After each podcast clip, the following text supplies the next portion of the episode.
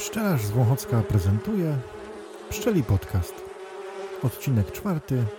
Maj w pasiece.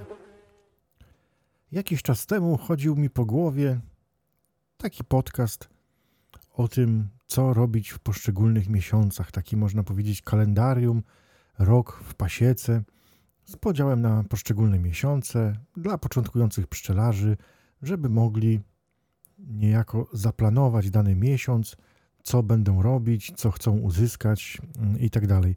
Wzorem, można powiedzieć, takiego ogrodniczego podcastu, który sam y, słucham, ale z drugiej strony pomyślałem, że to wcale nie będzie takie proste, bo tak naprawdę pomiędzy jednym a drugim skrajem Polski, jeżeli chodzi o rozwój rodzin pszczelich czy rozwój mm, roślin, kwitnienia, jest no, bardzo, bardzo rozbieżny. Są duże różnice i jeżeli będziemy rozmawiać o powiedzmy maju, początku maja, tak, i będziemy mówić, że kwitną rzepaki, to się może okazać, że no, u niektórych jeszcze nie kwitną.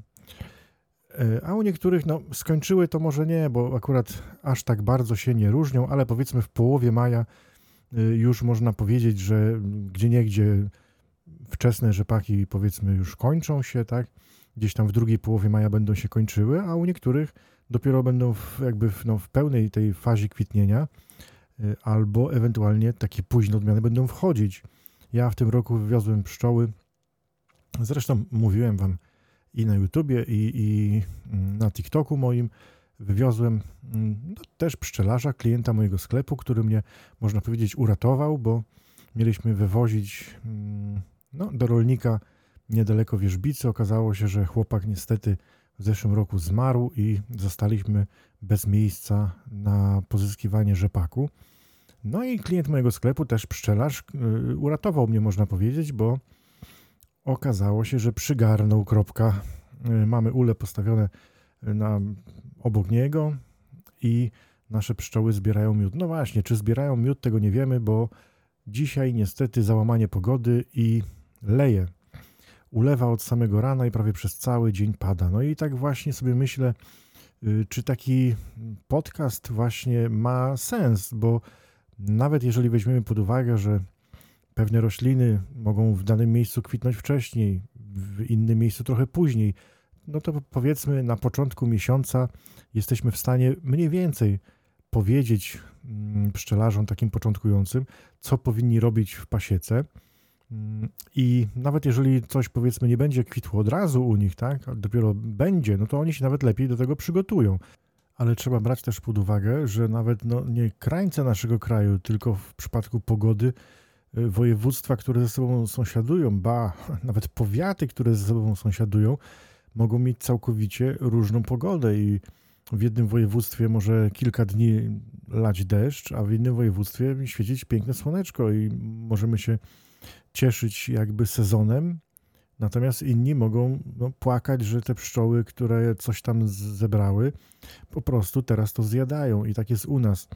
Przez cały zeszły tydzień no, pogoda nie nas nie rozpieszczała, nie była piękna, pożytkowa pogoda, taka, żeby było pięknie ciepło i pszczoły po prostu szalały.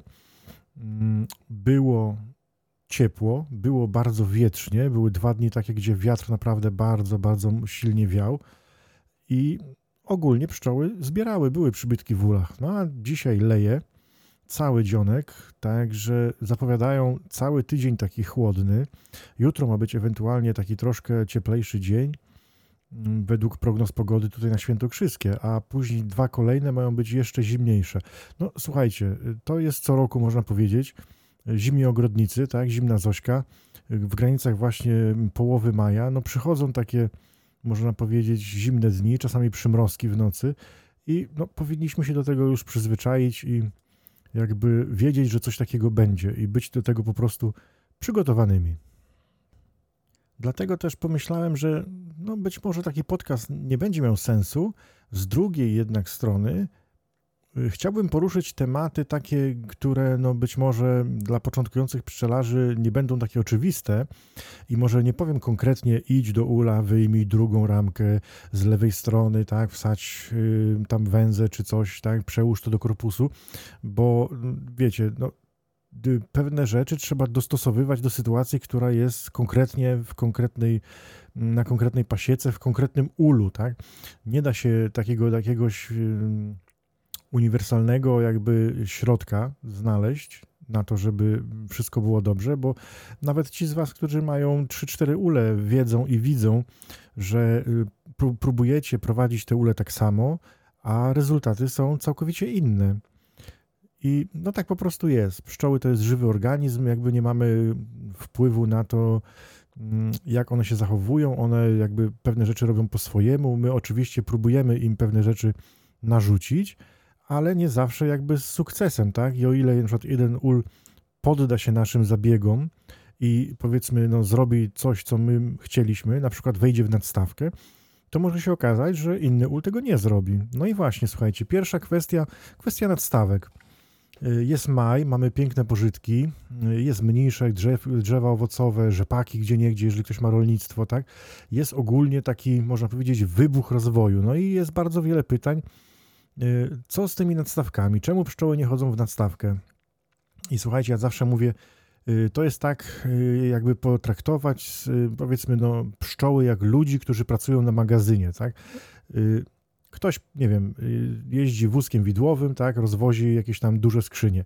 Są y, tacy pracownicy magazynu, którzy powiedzmy noszą pudła, jakieś takie mniejsze, nie? I pracują sobie na jakimś tam magazynie, nie wiem, no, powiedzmy 100 metrów kwadratowych, tak? Mają półki, mają regały, wszystko jakby mają opracowane. No i teraz wyobraźcie sobie coś takiego, że ktoś do tego magazynu dobudował jakby większy, no bo chce, żeby firma się rozwijała. Y, otworzył kolejne 100 metrów kwadratowych jakby obok, ścianę pomiędzy tymi magazynami zburzył, nie? Y, tamten nowy magazyn jest w ogóle nieogrzewany, y, pizga tam, nie? I są puste regały.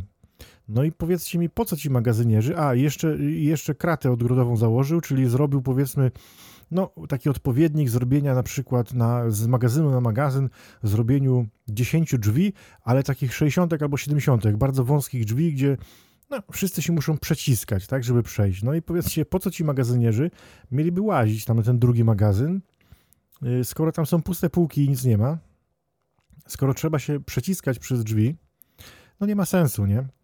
Dlatego bardzo, bardzo częstym zabiegiem jest na przykład przenoszenie ramek z czerwiem do góry. O ile ktoś na przykład na rodzinę, no, na ulu korpusowym oczywiście, mówimy tutaj o korpusowych, nie leżakach, jeżeli ktoś w Wielkopolskim, Dedancie, Langsztrocie, tak, yy, no, ma taką możliwość, bo daje drugi korpus pełny, to ma możliwość no, tego, przerzucania tego czerwiu do góry.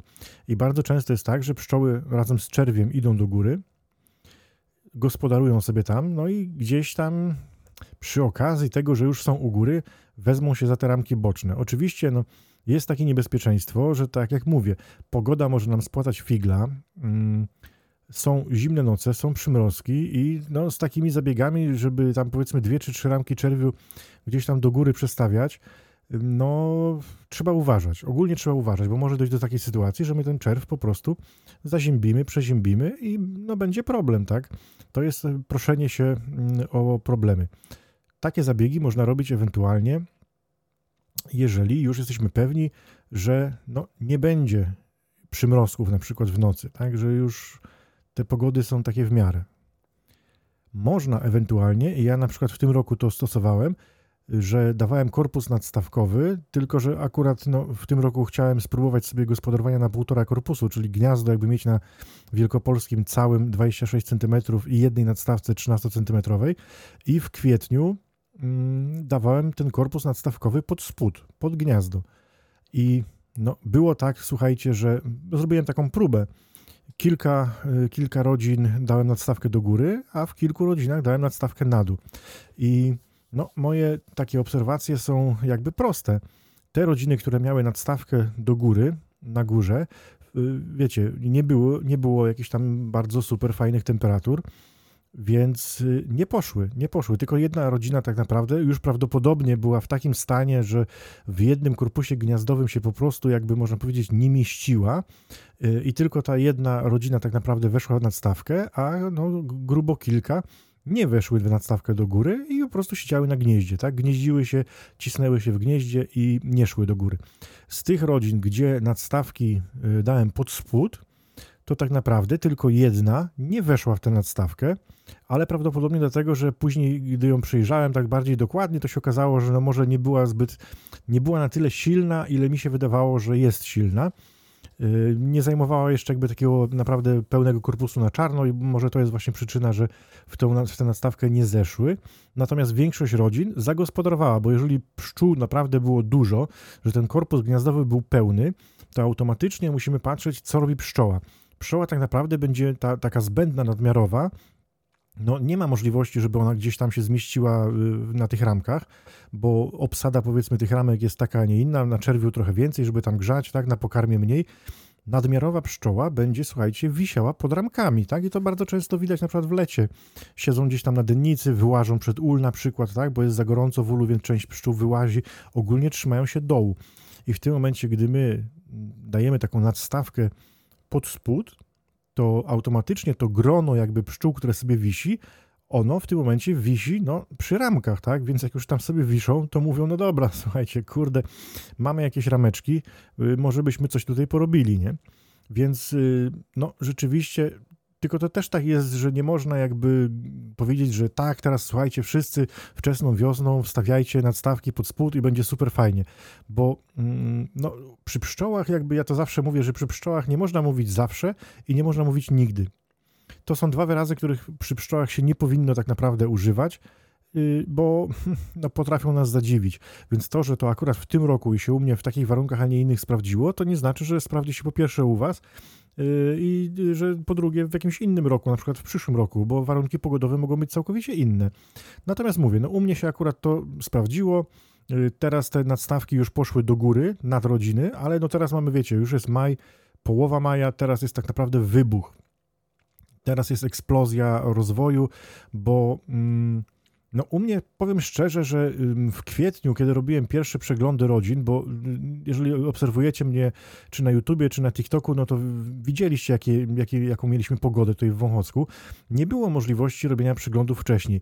Ja już widziałem y, gdzieś tam filmy z przeglądów, słuchajcie, z marca, z początków kwietnia. Ludzie na Facebooku czy tam na YouTubie już y, pokazywali filmy, jak przeglądają rodziny, tak, wszystko oceniają, czy, czy pokarmu jest y, dużo, czy to, czy tamto my nie mieliśmy tak naprawdę w Świętokrzyskim tutaj u mnie w Wąchocku, nie mieliśmy możliwości, żeby zajrzeć do rodzin, więc ja pierwsze przeglądy robiłem no, w połowie kwietnia. I muszę powiedzieć szczerze, przyznać się, że byłem przerażony. Po prostu byłem przerażony tym, co widzę w ulach, bo jeżeli chodzi o ule wielkopolskie, mm, to no, większość tych uli wielkopolskich była powiedzmy na pięciu, sześciu, no, takie lepsze rodziny były na siedmiu ramkach, tak? Zazwyczaj staram się zimować, no powiedzmy na 6-7, tak?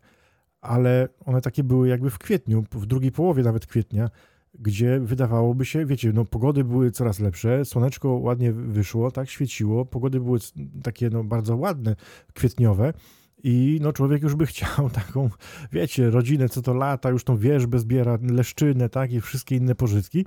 Natomiast, no, jakbym mógł powiedzieć, to tak szczerze, no to ja myślałem, że moje pszczoły są po prostu pochorowane jakieś. No, wydawało mi się, że albo nosema je wykańcza, albo może źle waroza leczona w zeszłym roku, że to są takie bidoki, które są chore, ja się będę z nimi bujał przez cały sezon, będę musiał kombinować, zasilać jedną rodzinę, drugą tam jakimś czerwiem i tak dalej, i no takie, tak mi się po prostu wydawało. Ale wystarczyło. No, czerwiu rzeczywiście wtedy było dużo, tylko być może na to nie zwróciłem aż tak bardzo uwagi.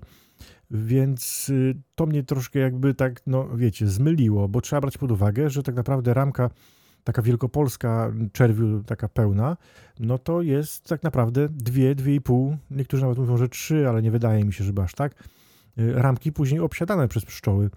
I rzeczywiście, kiedy ten cały czerw który był prawdopodobnie no, gdzieś tam jeszcze z marca nawet i początków kwietnia, kiedy to wszystko się wygryzło, to się okazało właśnie, że bardzo wiele osób, i to też zresztą było widać po różnych grupach facebookowych, no, bardzo wiele osób się spóźniło.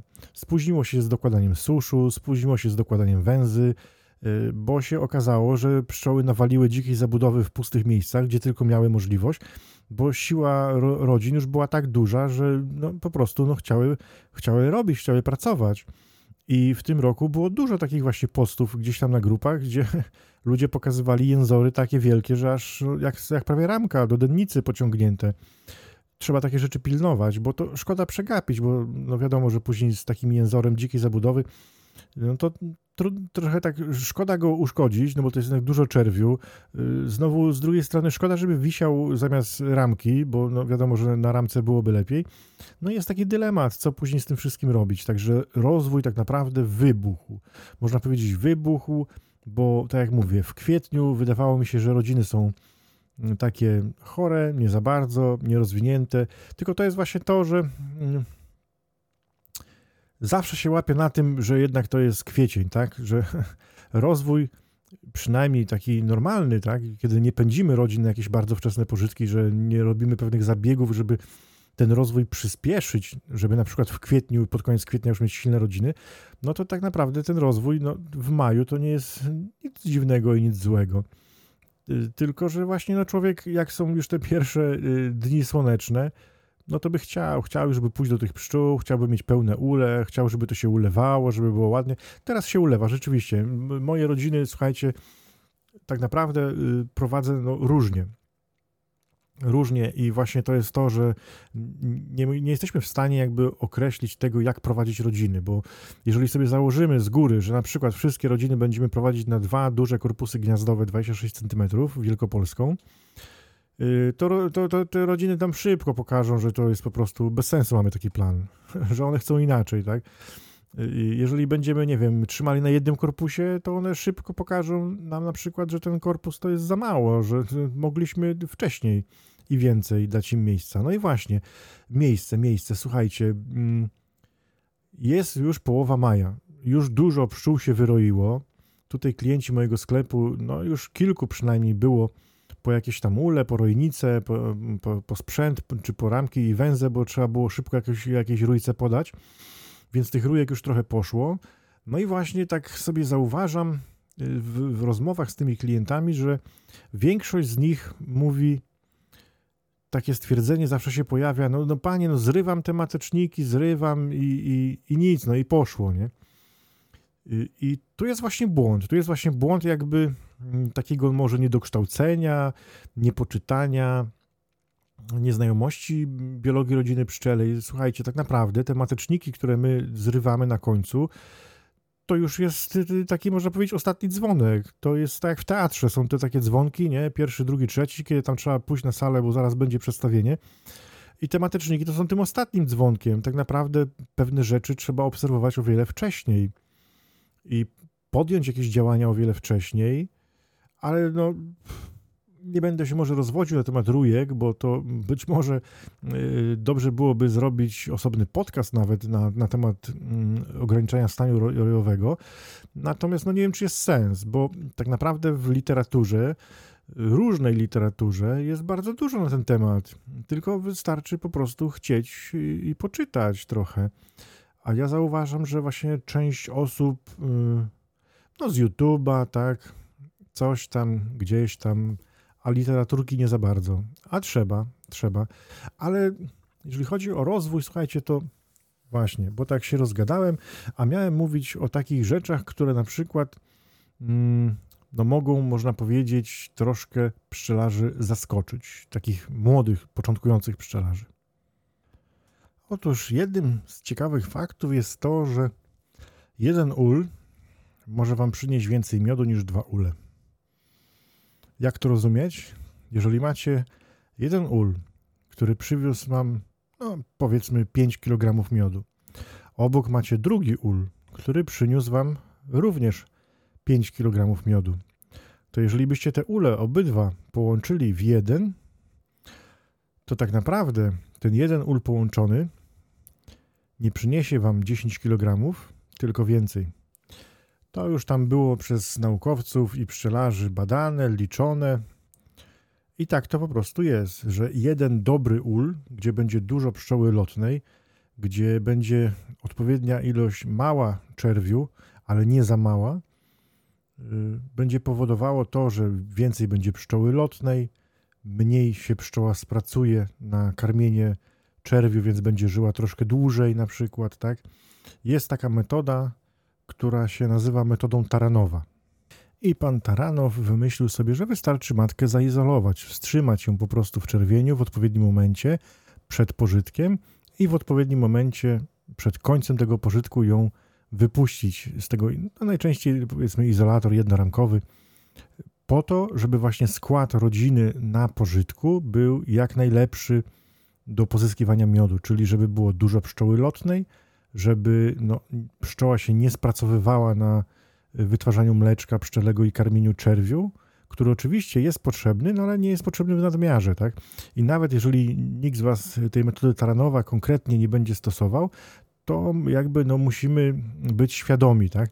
Musimy być świadomi, jeżeli teraz w maju zaglądacie do uli, do rodzin, to musimy wiedzieć, też rozumieć, po co my tam zaglądamy, bo trzeba brać pod uwagę, że każda ingerencja w ul, y, jakieś tam wyjmowanie ramek, y, oczywiście ja wiem, że początkujący pszczelarze są bardzo zainteresowani, co się dzieje w ulu, oni by tam z chęcią sobie grzebali jak najczęściej, oglądali, no ale musimy y, brać pod uwagę, że to bardzo dezorganizuje pracę i pszczoły, żeby wrócić jakby do tych porządków, które miały przed naszym przeglądem, no, muszą bardzo dużo czasu poświęcić. I gdzieś, gdzieś z jakiegoś wykładu pamiętam, że mm, takie wyjęcie ramki i wsadzenie z powrotem y, jakby w całym gnieździe będzie skutkowało tym, że rodzina pszczela przez chyba 24 godziny będzie jakby wracać do, do stanu takiego jakby sprzed tego przeglądu.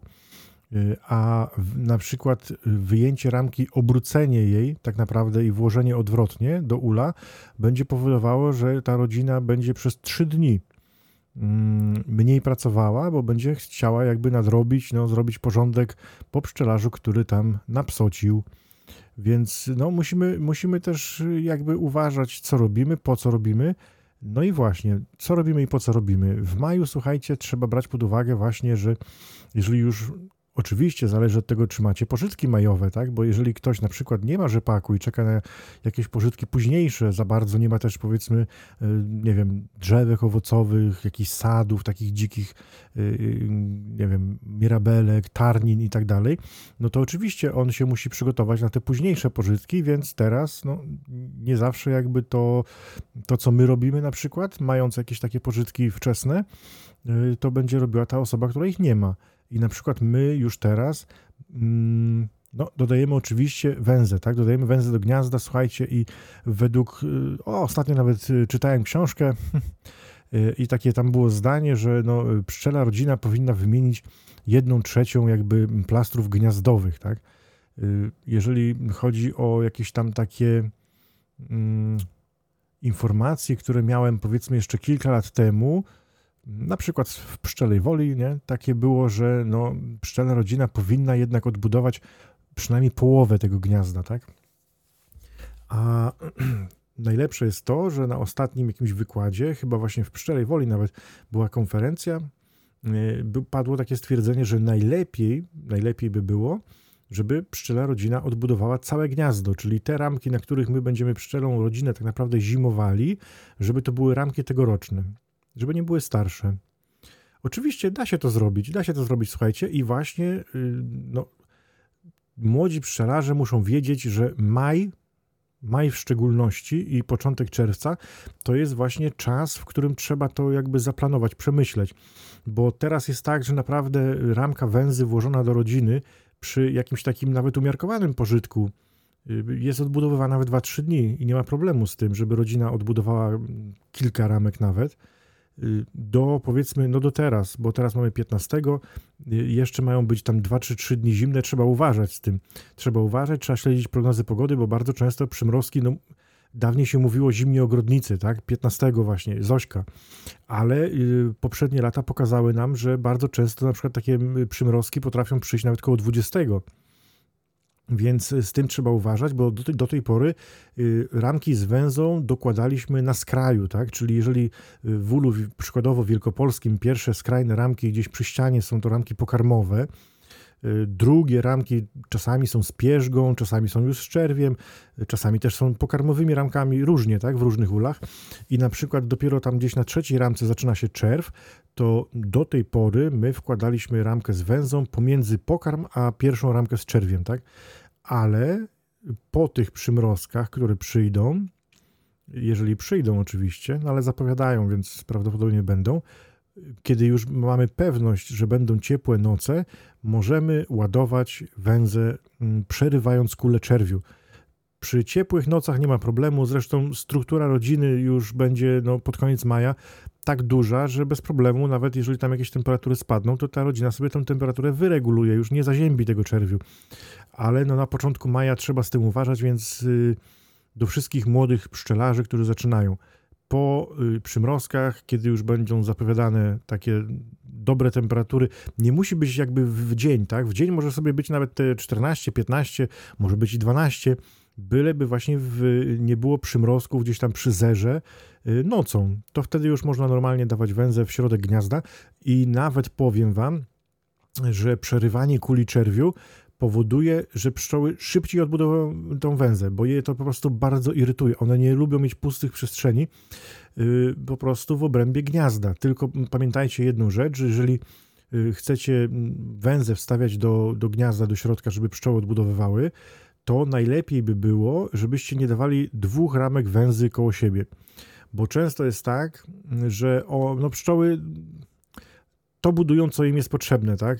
Pszczoły nie patrzą na, na to, co pszczelarz by potrzebował, więc y, czasami są takie sytuacje, na przykład właśnie, że one gdzieś tam którąś ramkę z węzą, y, oczywiście matka część zaczerwi czy coś, tak? Ale mm, mogą na przykład zrobić tak, że zrobią taką czapę miodową u góry i potrafią jednej ramki nie odbudować, kosztem tego, że poszerzą jakby y, tą czapę miodową na, na, na drugiej ramce.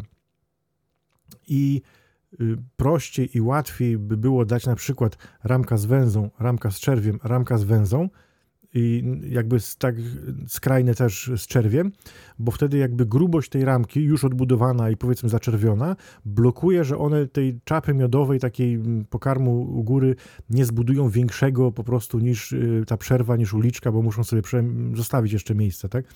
Więc y, taki, taka mała uwaga, bo nie, jakby nie każdy, nie każdy o tym wie y, i czasami tak właśnie jest. Ja zresztą takie błędy właśnie popełniałem, będąc takim początkującym pszczelarzem, że wydawało mi się, że właśnie dwie, trzy ramki z węzą, takie wiecie, gdzieś tam obok siebie położone, będą lepsze. I ma to jakby sens, tak? Ja w dalszym ciągu na przykład taką metodę stosuję przy odkładach. Jeżeli robię na przykład odkłady różne, jednoramkowe, dwu, trzyramkowe czasami, tak, w zależności od tego oczywiście jaka jest pora roku, jakie są pogody i tak dalej, to mm, i robię na przykład te odkłady nie w odkładówkach, tylko w dużych rodzinach, bo to będą już no, rodziny produkcyjne później, to y, uzupełniam do pełnego korpusu węzą głównie po to, żeby tam przeciąg nie hulał, żeby ta węza tam sobie po prostu wisiała i odkład taki y, gospodaruje sobie tak, tylko że właśnie to jest odkład, a nie silna rodzina, że on na kolejne ramki z węzą będzie wchodził wtedy, kiedy po prostu będzie miał taką ochotę i jakby no będzie rozwinięty na tyle, żeby te kolejne ramki z węzą y, zajmować, tak? Duża, silna rodzina, kiedy wy tam dacie dwie, trzy ramki mm, koło siebie, no to właśnie może tak być, że którąś ramkę bardzo pogrubią. Oczywiście to nie jest problem, tak? Taki powiedzmy taką czapę miodową, która będzie jakby z ramki wystawała aż tyle, że będzie wchodziła pod beleczkę jakby kolejnej ramki, bo czasami są takie sytuacje, że te czapy miodowe są naprawdę bardzo duże, no nie ma problemu, weźmiemy jakiś tam nóż, dłuto, tak, możemy to y, zniszczyć i tyle i jakby wyregulować im tą grubość plastra. No niemniej jednak, no można te ramki po prostu wsadzić y, do ula naprzemiennie, Y, pszczoły to szybko odbudują i nie będzie z tym problemu. Natomiast no, musicie pamiętać, słuchajcie, że jakby odbudowa węzy zawsze się wiąże, można powiedzieć, z utratą no właśnie, czy z utratą, to jest takie w cudzysłowie można powiedzieć, z utratą miodu, tak? No bo gdzieś tam te badania, jakieś książki, literatura zawsze mówią, że y, tam wypocenie wosku, zbudowanie plastra zawsze odbywa się kosztem miodu, tak? Że te pszczoły na przykład tyle i tyle miodu mniej przyniosą. Z drugiej jednak strony trzeba patrzeć, czy my tak po prostu mm, bezkrytycznie musimy patrzeć właśnie przez pryzmat tego pozyskiwania miodu. Czy mm, jakby właśnie nie patrzeć pod kątem tego, że no, mm, ważniejsze jest właśnie na przykład to, o czym mówią naukowcy, na przykład y, profesor Horbiński, no, że choroby, tak, choroby, y, patogeny, to wszystko. I czy nie lepiej by było właśnie, żeby ta rodzina, no, kosztem tego miodu niech będzie na przykład, nie wiem, 5 kg mniej, tak, czy tam, nie wiem, kilo, czy 10 kilo, niech ona odbuduje te ramki i ja w tym momencie mogę tę rodzinę do zimowli przygotować na ładnych, odbudowanych tegorocznych ramkach, gdzie jest bardzo mało przetrwalników, tak?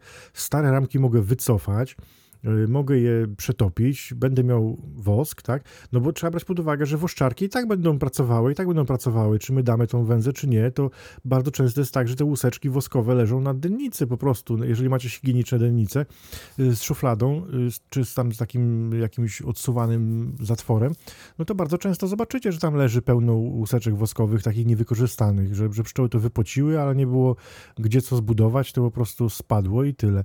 I szkoda taki potencjał marnować i być może właśnie lepiej jest, żeby te pszczoły, te rameczki po prostu odbudowały, rzeczywiście mogę mieć tego miodu mniej, ale dzięki temu moja rodzina będzie zdrowa, dzięki temu mi spokojnie przezimuje. Jeżeli się przyłożę jeszcze do leczenia y, odpowiednio zapobiegania, powiedzmy takim chorobom jak nosema czy zgnilec i do leczenia warozy, to ona mi bez problemu przezimuje, tak? nie będę stratny i w kolejnym sezonie ta rodzina będzie mogła mi pozyskiwać znowu miód.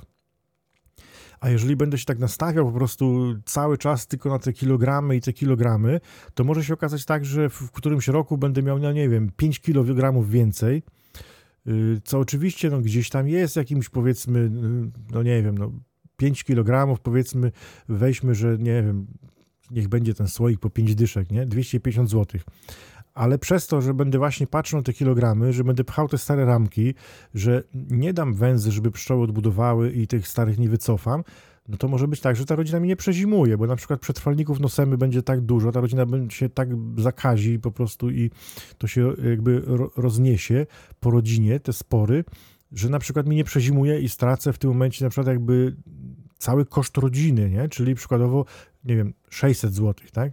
Trzeba patrzeć pod tym kątem, że jakby nie, nie, zawsze ten miód jakby musi być chyba, tak mi się wydaje przynajmniej, najważniejszy i tak jakby dążyć za wszelką cenę, bo według mnie być może lepiej jest właśnie pozyskać troszkę mniej miodu, ale jakby patrzeć na, na szerzej na rodzinę. Nie tylko pod kątem tego, że no, no bo tam przyniosła 5, ta przyniosła 10, ta przyniosła coś tam, tak? No dobra, może przyniosła troszkę mniej, ale dzięki temu Y, ma fajne plastry, odbudowane węze, a tak naprawdę mówię, w maju, słuchajcie, maj, czerwiec, musicie brać pod uwagę, że tak naprawdę sezon pszczelarski u nas w Polsce jest bardzo krótki, bo taki prawdziwy sezon pszczelarski to jest maj, czerwiec. Y, później w lipcu y, któregoś roku próbowaliśmy takiej metody przesiedlania rodzin na węzę.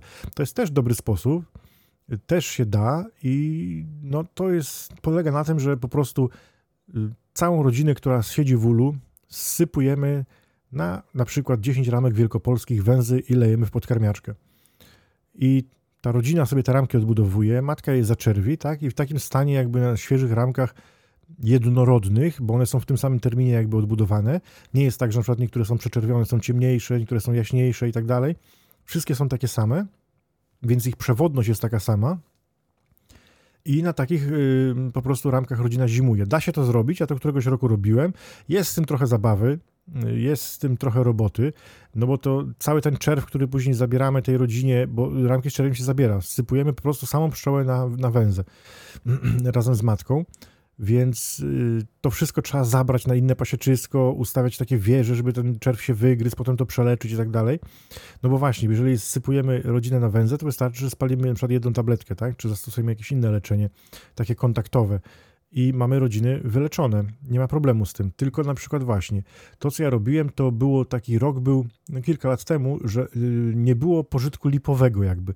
Ja tu mam lipy takie niedaleko, które są jakby dla mnie takim wyznacznikiem bo ja widzę, czy one nektarują, czy nie, bo jak wieczorem idę z psem na spacer, to bardzo często są takie lata, gdzie to aż buczy po prostu, że no ze 100 metrów słychać takie że te pszczoły po prostu na tej lipie pracują, nie? To są takie lata, gdzie się po prostu przechodzi i nawet jednej pszczoły pod tą lipą nie widać i ja wtedy jakby wiem, że jeżeli powiedzmy to się utrzymuje, że jest kwiat na, na drzewie, tak, że widać, że ta lipa kwitnie, a nie nektaruje, to ja wiem, że nie ma co czekać, bo to nie, nie, nie będzie tak, że ona dziś nie, dziś nie ma, dziś nie ma, jutro nie ma, a nagle potem uu, będzie lała, nie?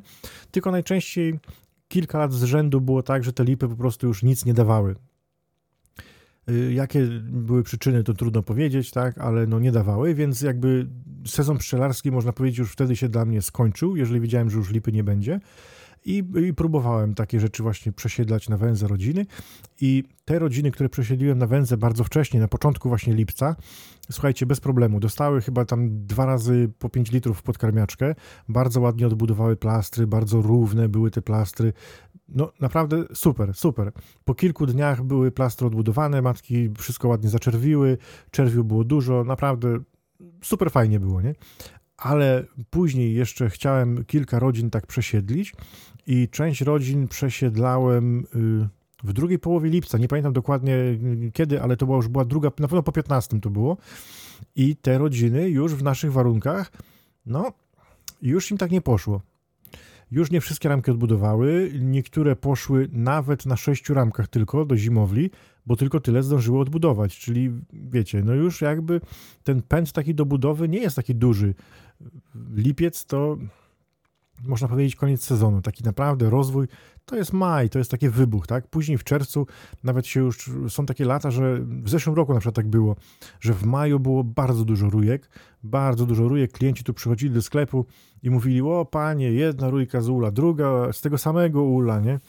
A potem było tak, że no chyba, nie wiem, po, po 5 czerwca się uspokoiło i każdy mówi, nie, panie już się nie roją, nawet mateczników nie zakładają.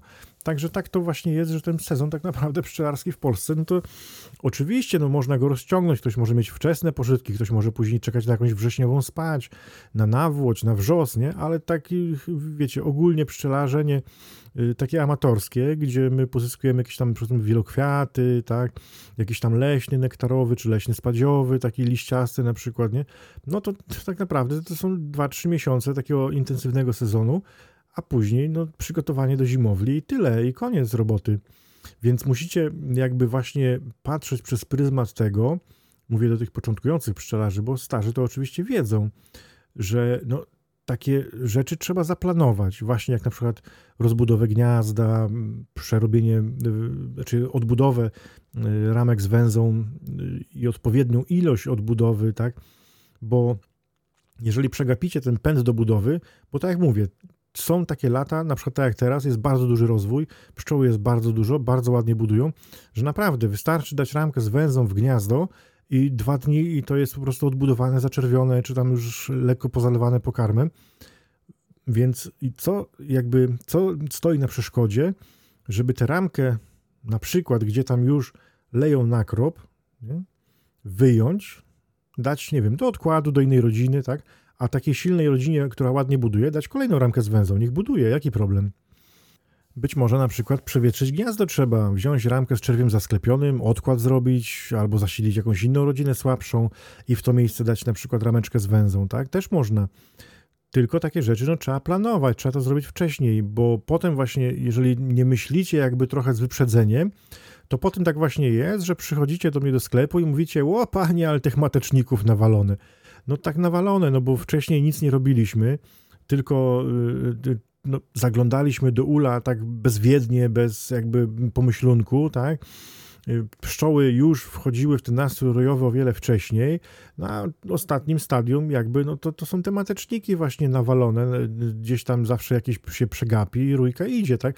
Zresztą czasami jest tak, że nawet zrywanie tych mateczników wszystkich już niewiele daje, bo w takim naprawdę zaawansowanym nastroju rojowym to pszczoły tak naprawdę już nie pracują. One tam siedzą na wylotku, tupią nóżką i, i czekają, żeby tylko wylecieć.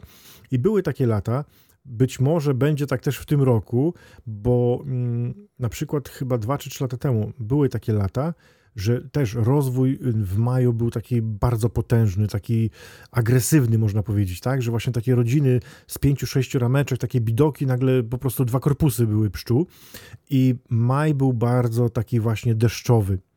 Na początku były piękne, początek maja to była piękna pogoda, pamiętam.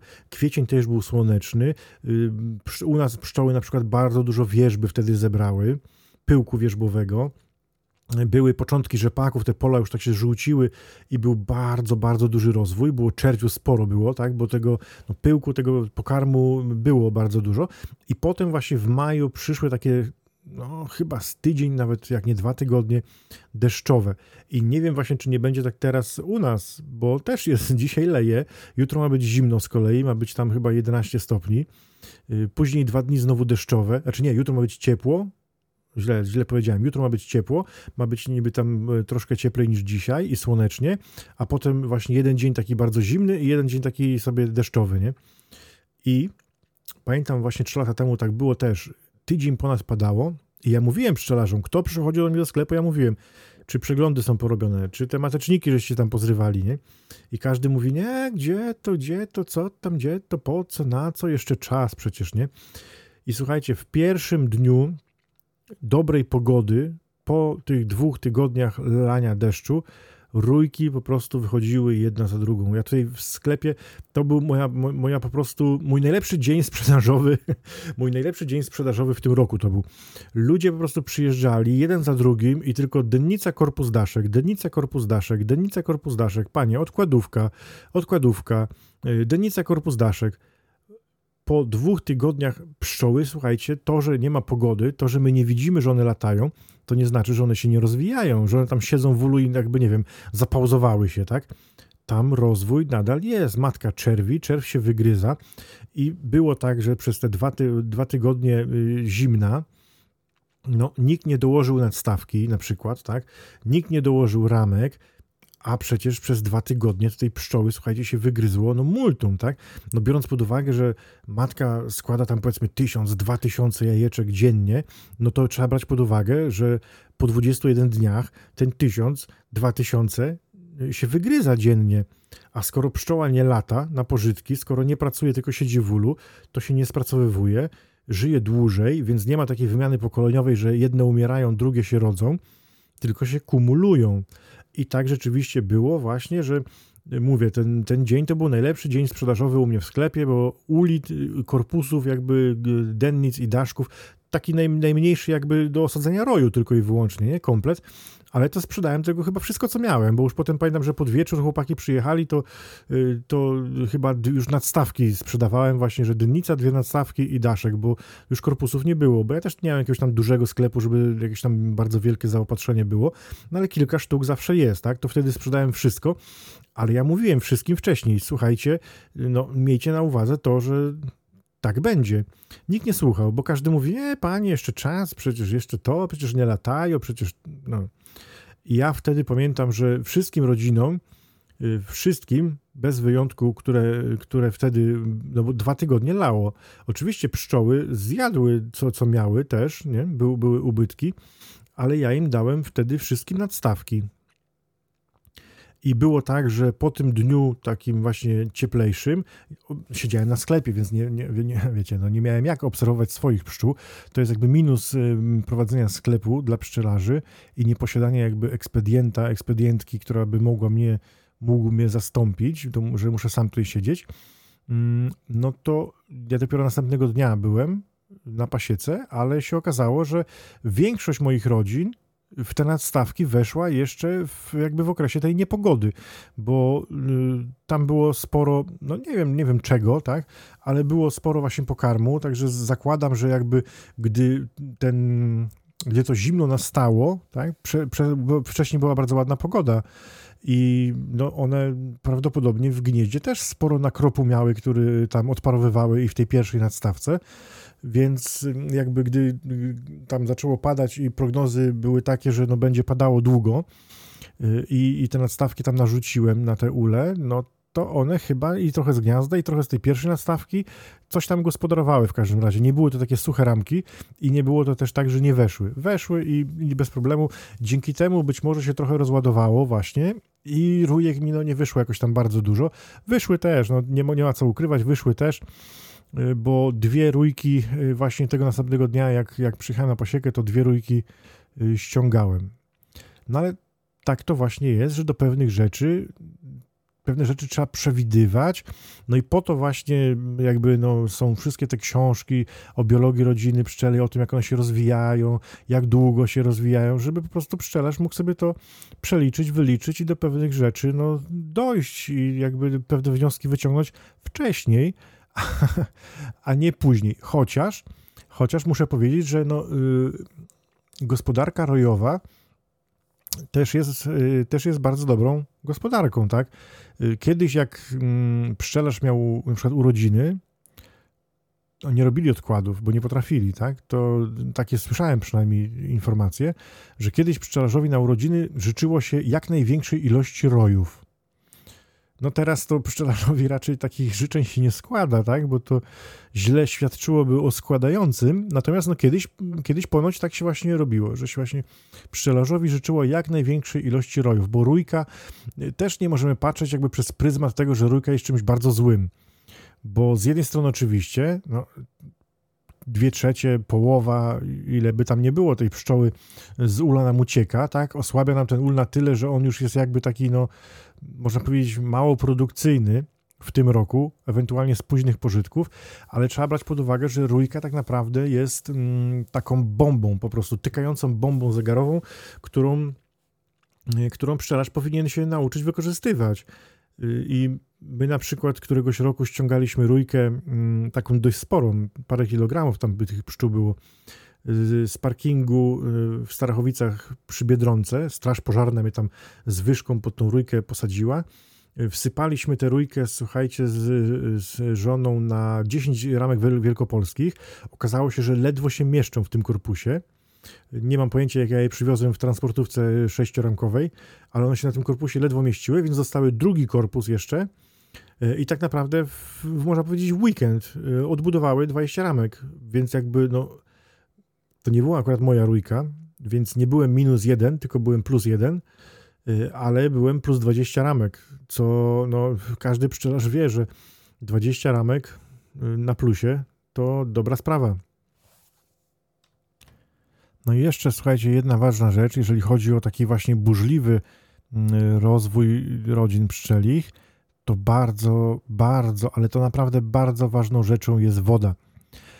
Musicie brać pod uwagę, że pszczoły potrzebują wody do wychowu czerwiu. Jeżeli mamy duży rozwój, taki wiecie, no naprawdę olbrzymi, właśnie taki majowy, że potrafi być tego czerwiu no, bardzo dużo, kilka ramek, no to tej wody jest bardzo dużo potrzebne. I kto nie ma na pasieczysku y, poidła, no to troszkę skazuje te pszczoły na jakieś dalekie loty, na kombinowanie i ten rozwój jakby automatycznie sam hamuje. Później, gdy będą ciepłe miesiące, gdy będzie ta taka temperatura, wiecie, można powiedzieć suszowa, tak, to trzeba brać pod uwagę, że wtedy mm, będzie pszczołom potrzebna woda do schładzania gniazda. I to jest bardzo, bardzo ważny aspekt, a ja widzę tak między innymi na przykład właśnie, czy w rozmowach z pszczelarzami, czy widzę na przykład na grupach pszczelarskich, gdzie tam zdjęcia z pasiek ludzie pokazują, y, że mało kto y, na tych zdjęciach gdzieś tam ma poidło, na przykład y, na, na, gdzieś tam za pasieką z boku czy coś. Nie widać tego, nie widać każdy myśli sobie, a przyniesą, przyniesą, nie? Tylko potem właśnie wychodzi, że no nie ma skąd, nie? Ja na przykład na pasiece mam y, oczko wodne i tam naprawdę w takie ciepłe miesiące, kiedy pszczoły potrzebują wody, tam jest nie, niedaleko, 20 metrów y, od pasieki, jakby od tego miejsca, gdzie stoją ule do tego, do tego oczka. Jeszcze tam brzegi są takie pieszczyste, takie, tam jakieś trawy rosną, nie trawy, więc te pszczoły spokojnie mogą sobie przysiąść. Tam jest tak naprawdę czarno od pszczół. Chociaż moje ule akurat nie stoją w jakimś takim bardzo odsłoniętym miejscu, bo to jest taki, wiecie, lasek brzozowy, takie wysokie te brzozy są, więc trochę cienia dają, ale no, musicie pamiętać o tym, że woda. Woda jest bardzo potrzebna rodzinom i jakby nie, da, nie dostarczając wody, no hamujecie ten rozwój, tak? Bo wtedy pszczoły muszą jakieś dalekie loty e, po tą wodę wyko wykonywać, szukać, szukać u sąsiadów w basenie, w oczkach wodnych, później sąsiedzi się denerwują. E, nie ma sensu, naprawdę. Lepiej zrobić poidło. Kiedyś e, może poruszymy jeszcze tematykę poideł, jak zrobić, gdzie zrobić, po co zrobić, ale no, jest to naprawdę ważne. Więc co? Słuchajcie, będziemy zbliżać się ku końcowi, bo już się rozgadałem straszliwie. Maj w pasiece jest naprawdę. Hmm, jakby to powiedzieć? Maj w pasiece jest naprawdę trudnym miesiącem. Trudnym. To trzeba przyznać szczerze, że y, nie każdy to się do tego przyzna, y, ale no, wszystko też zależy od tego, kto ile ma czasu. Nie? Jeżeli ktoś tam jest, nie wiem, na emeryturze, ma cały dzień y, dla siebie i może sobie cały dzień siedzieć na krzesełku i patrzeć na swoje ule, no to je prawdopodobnie zadba. Chociaż mam też takich właśnie pszczelarzy. Ostatnio był taki pan u mnie, bardzo miły pan, pogadaliśmy chyba z godzinkę y, i on właśnie tak mówi, kurde, yy, mówi, kurde, rójka mi wyszła, panie, nie? Ja mówię, no to przecież no maj, no co to zrobić, nie? Przecież to normalne, nie? Yy, no tak, tego, żeśmy pożartowali, a on mówi, panie, ja to właśnie jestem na emeryturze, nie? Mam tyle czasu, tyle y, wolnego, nie? Te ule takie, wie pan, dopieszczone, do te, no takie zadbane, nie? A jeszcze mi te roje uciekają, nie? A sąsiad raz tam na miesiąc zagląda i nic, nie? I nic. I też miałem takiego pana właśnie, który, o którym żeśmy rozmawiali o, yy, o przezimowaniu. I on też tak właśnie to samo mówił, nie? Mówi, kurde, jestem na emeryturze. Ule zadbane, chodzę, zaglądam, leczę w terminie, tak? Te paski tam wieszam, wszystkiego pilnuję, czytam te książki, YouTube oglądam, jak tam najlepiej leczyć, nie? A, y, no i wtedy chyba mu pół pasieki nie przezimowało. Mówi, a tam sąsiad, jakiś tam szwagier, czy ktoś tam, nie? Nie zagląda do uli, nie leczy, nie zna się na tym, a i tak wszystkie mu przezimowały. No i tak to niestety jest, że jakby nie zawsze y, ta nasza taka, jak to nazwać, nadmierna ingerencja, tak, y, może dać jakby dobre efekty, nie? czasami jest tak właśnie, że ktoś, kto ingeruje mniej, zagląda mniej, y, jakby mniej pszczołom przeszkadza. Więc ogólnie miesiąc jest ciężki i tak jak mówiłem w poprzednim odcinku podcastu, starajcie się planować. Starajcie się pomyśleć, co chcecie konkretnie osiągnąć i co musicie zrobić, żeby to osiągnąć, tak? I czy się właśnie nastawiacie konkretnie na pozyskiwanie na przykład miodu, czy chcecie po prostu rozwinąć te rodziny, na przykład, żeby było dużo czerwiu, żeby można było zrobić na przykład odkłady. Y, odkłady i tak pewnie zrobicie, bo przy takim rozwoju, jak jest w tym roku, to tego czerwiu będzie bardzo dużo, jest dużo i już można robić odkłady nawet. Y, jeżeli ktoś nie chce powiększać pasieki, no to być może taka gospodarka dwurodzinna, taka rotacyjna, zrobienie odkładu, a później jesienią jakby no, dołączenie tego odkładu do rodziny. Można. Można na różne sposoby się rozwijać, jakby nawet stojąc w miejscu z liczbą uli, bo dzisiaj też byli klienci, mówią, że zaczęli z trzema ulami, a dzisiaj już mają 12. Byli w zeszłym roku i chyba od zeszłego roku ich nie widziałem, dopiero dzisiaj przyjechali właśnie jakieś tam węze, ramki, no i przybyło tych uli, przybyło sporo. I tak to jest, że to, wiecie, rozwinąć pasiekę jakby to nie jest problem, tak, bo właśnie odkłady można zrobić co roku, jak jest dobry rozwój, to nawet tego, nawet, nawet można by więcej tych odkładów robić niż jest potrzebne, tylko potem jak to upilnować wszystko, nie? Y, jak ktoś ma 5 uli, to jeszcze jakoś tam w miarę, nie? Jak ktoś ma już 10 czy 15, to już jest coraz trudniej. No a jak się później dojdzie do 10 uli, no to już czasu na wszystko brakuje. Y, także można się właśnie bardziej nastawić na taką gospodarkę. Zrobię odkład, ten odkład sobie będzie spokojnie chodził z młodą matką, tak?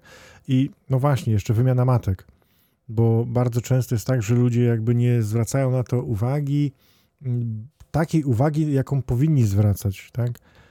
Y, I często jest tak, że jak właśnie ktoś mówi, że a, rójka wychodzi, tego, druga, trzecia, tyle mi roi w tym roku wyszło, ja mówię, no dobra, ale jakie pan miał matki na przykład, nie?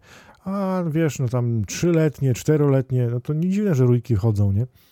Więc y, bardzo dobrym pomysłem jest właśnie taka gospodarka rotacyjna, zrobienie odkładu, poddanie do odkładu nowej, świeżutkiej matki tegorocznej. Ten odkład bardzo często może sobie stać nawet niedaleko tego normalnego ula, tak?